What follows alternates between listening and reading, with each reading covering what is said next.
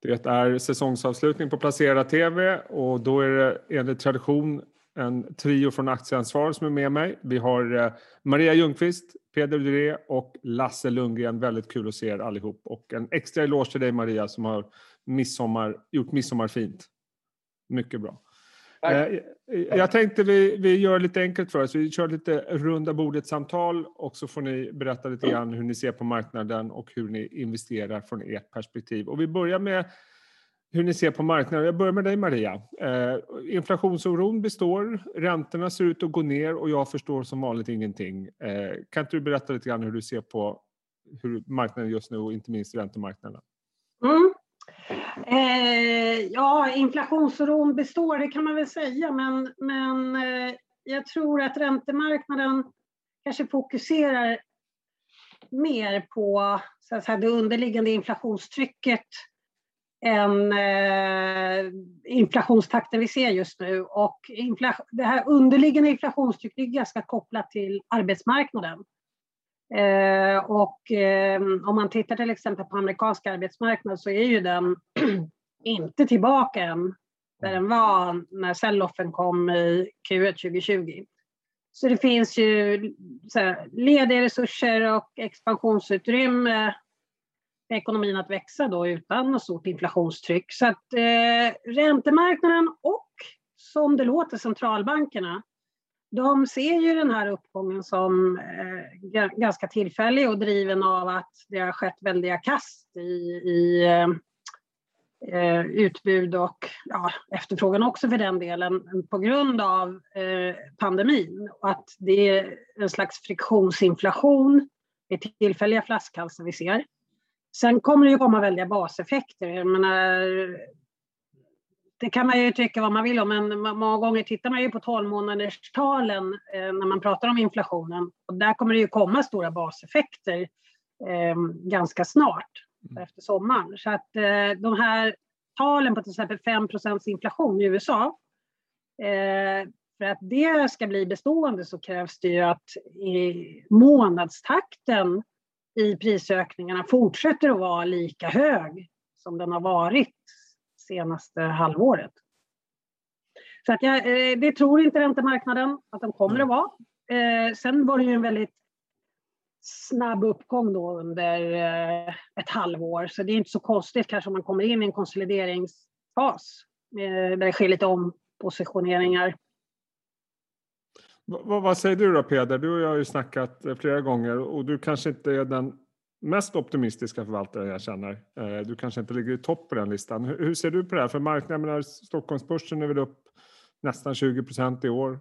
Eh, Inflationsoron kommer och går som sagt lite grann, men börshåsen består. Eh, vad säger du från ditt perspektiv? Jag tror att alltså, om man, utöver de grejerna som, som Maria sa så så har det ju även eldats på lite av spekulation i råvaror. Om man tittar på de inflationstalen nu så känns det som att du har vissa väldigt stora utbudsstörningar eh, på några grejer som drar upp det. Samtidigt som de sakerna som liksom ska, ska trycka ner åt andra hållet, de har liksom inte riktigt fått effekten. Så att du får liksom en double whammy lite. Och, och den, den sista grejen som jag tycker är viktig att poängtera det är att just man fokuserar ju väldigt mycket på inflationen i USA eh, och där har du haft en väldig försvagning i dollarn under det senaste året som gör att liksom, de importerar inflation från övriga världen eller har gjort och USAs inflationssiffror ser då kortsiktigt väldigt mycket värre ut än, än några andra länders. För tittar du på global inflation så är det liksom inte i närheten av liksom 4-5 procent. Den ligger väl liksom runt, runt 2 ungefär. Så att ingen big deal. Så jag är inte, jag är i dagsläget inte orolig för inflation. Eh, utan jag tror ju att om vi däremot kommer framåt sen sommaren, tidig höst och inflationstakten inte klingar av, ja då skulle det kunna vara någonting som oroar marknaden. Så det är inte riktigt det som är mitt fokus just nu. Sen så har, kan du ha en hel diskussion om liksom strukturell inflation och när den kommer tillbaka, vilket är det jag tycker att man, man bör oroa sig för. Men det är någonting på lite längre sikt, liksom, kanske liksom 2022, 2023. Någonting. Okay. Och eh, Lasse, om vi tittar lite mer på svenska aktier. Rapportperioden var ju bra marknads, eh, marknaden var väl inte helt eh, övertygad och nu går vi in i Q2 som kommer vara, får man säga, busenkla jämförelsetal. Eller hur? Ja, det stämmer. Eh, du är helt rätt. Det är svårt att säga att eller det är svårt att, gissa lite här vad kurserna tar vägen. Som du sa tidigare, börsen i Stockholm är upp 22 procent och vi ligger ju i topp i världen i år faktiskt, vilket är fantastiskt. Och om vi jämför med toppen innan vi vänder ner, innan coronakrisen, så är vi ju upp 30 procent därifrån. Och vinsterna har ju inte riktigt orkat med och vi, vi har ju hamnat i ett scenario där, där kurserna har gått före vinsterna och det är därför vi inte kom upp egentligen på den förra rapportperioden. Och jag tror att det kan bli svårt att lyfta, även om jag inte är något eh, negativt inställd till rapporterna som sådant, för att de kommer ju som du säger, bli fantastiskt bra. Och i princip alla bolag vi har pratat med, eller anekdotbevis som vi säger, det, det tyder ju på att det blir väldigt, väldigt starkt faktiskt. Och eh, den här gången har ju till och med bankerna fått lite eh, medvind, så att eh, på så sätt ser vinstutvecklingen helt okej okay ut. Det är ju snarast värderingen som kanske behöver ta en liten paus, en konsolidering helt enkelt. Och baserat på det här då, om vi ska gå igenom lite grann hur ni tänker själva kring investeringar i er fond baserat på vad ni ser. Om vi börjar dig Maria, var hittar du avkastning eller relativt bra, bättre avkastning? Ja, vi är nästan inne i en fas där det handlar om att skydda avkastningen. Okay. Eh, riktigt så negativ är jag kanske inte, men, men eh, jag tar ingen position på riktning på underliggande räntor, alltså statsobligationsräntor och swapräntor. Men det är klart, någonstans måste man ju hitta exponering som, som kan ge avkastning. Man får ju gå in i kreditspacet. Mm. Eh, och, eh, men däremot så tycker jag nu att det är ett läge då man ska ligga ganska försiktigt i, i löptid. när man tar exponering på kreditspreadar, eh, för lägger man i långa löptider då så skadas man ju mycket om kreditspreadarna går isär. Alltså att eh, det här extra påslaget man får för att investera i företagsobligationer med kreditrisk, om det skulle öka då så, så tappar man. Ehm, så att jag ligger ganska försiktigt i löptid. Ehm, och det, tittar man till exempel på kreditderivaten i Europa iTracks eh, main index. Det har ju varit nere eh, ganska, för inte så himla länge sedan, på de tajtaste nivåer som det här indexet har haft och nu det håller det på lite runt 50. Och varje gång man har varit inne i en sån period så har det ju följts av perioder då kreditspreadar har gått isär rätt mycket. Så att jag är väldigt försiktig ändå och eh, har en hel del Eh, kassa eh, i olika form. Men, och jag har också tagit en liten position i eh, aktievolatilitet.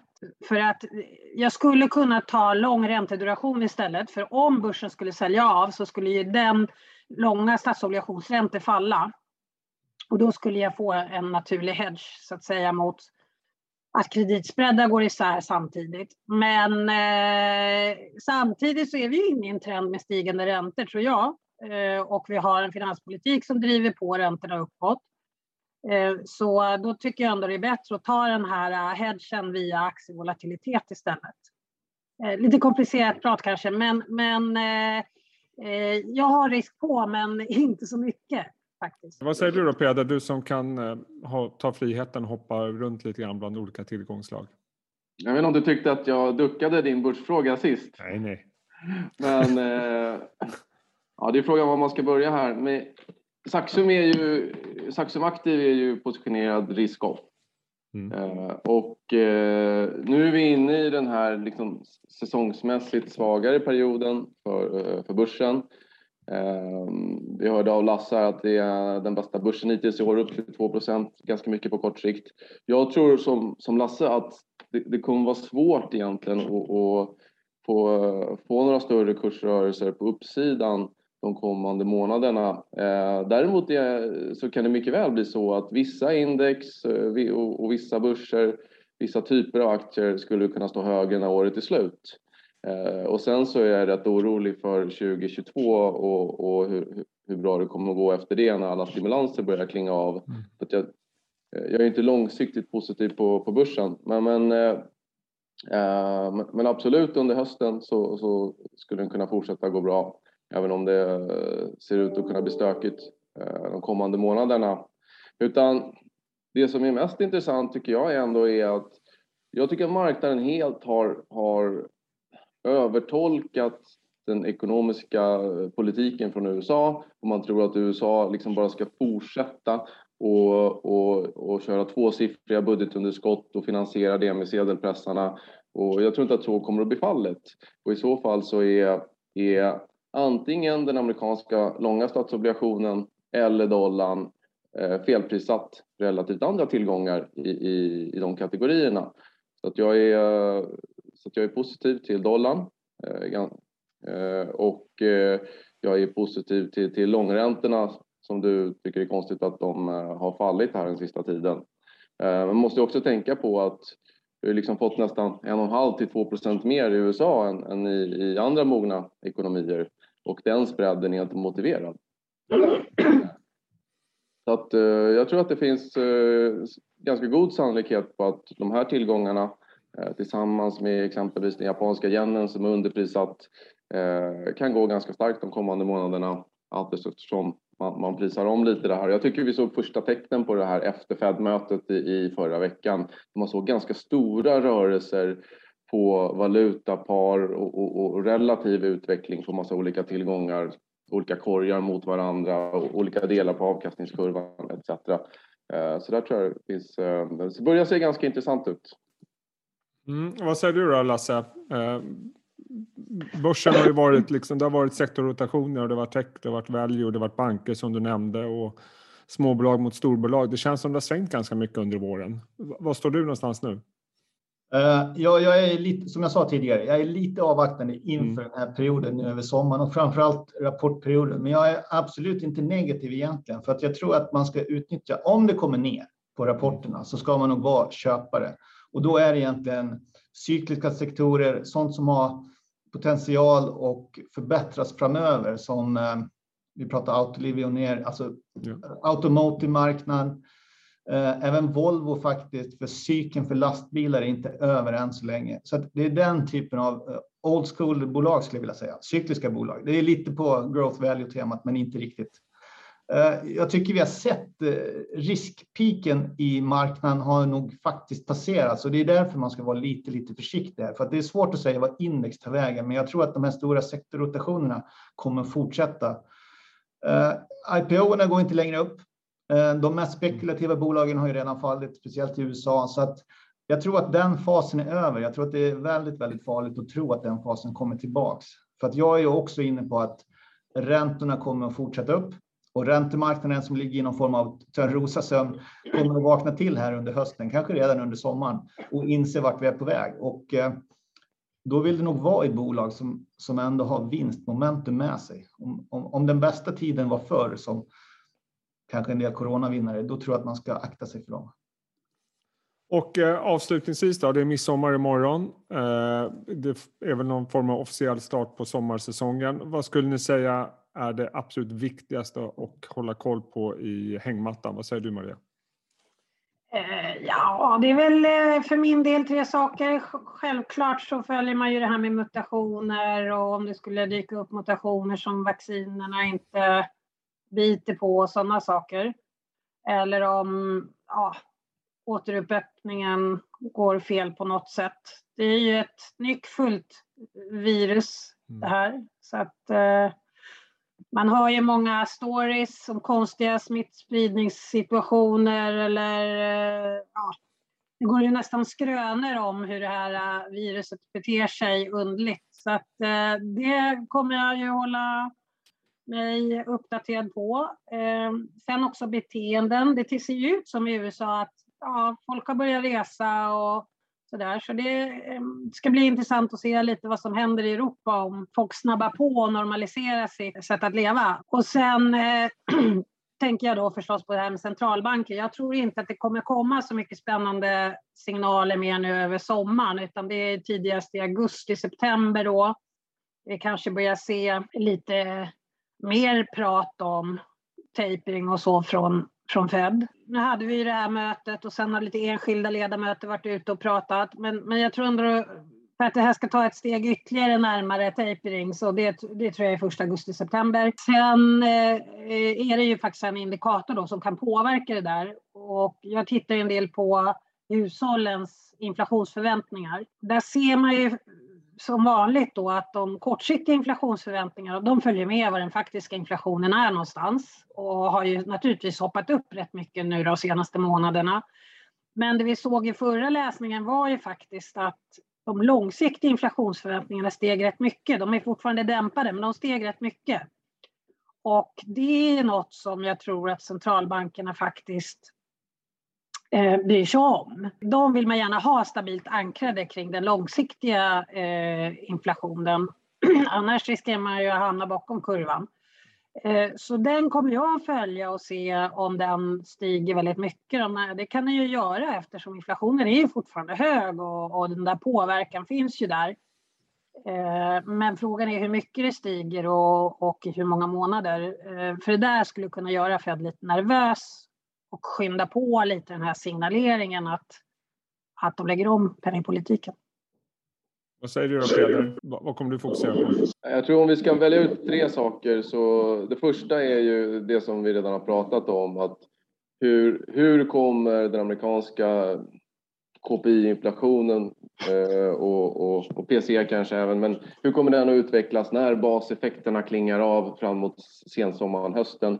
Ehm, det tror jag är viktigt att, att, att följa upp. Ehm, och sen så om man går till liksom bolagens rapporter nu här för Q2 så tror jag att eh, det är liksom inte speciellt relevant vad som rapporteras just nu. Det kommer att bli bra rapporter utan liksom vad alla indikationer man kan få liksom från, från framtid, vad de tror om framtiden, kommande kvartal 2022, allt sånt där tror jag blir eh, väldigt mycket viktigare.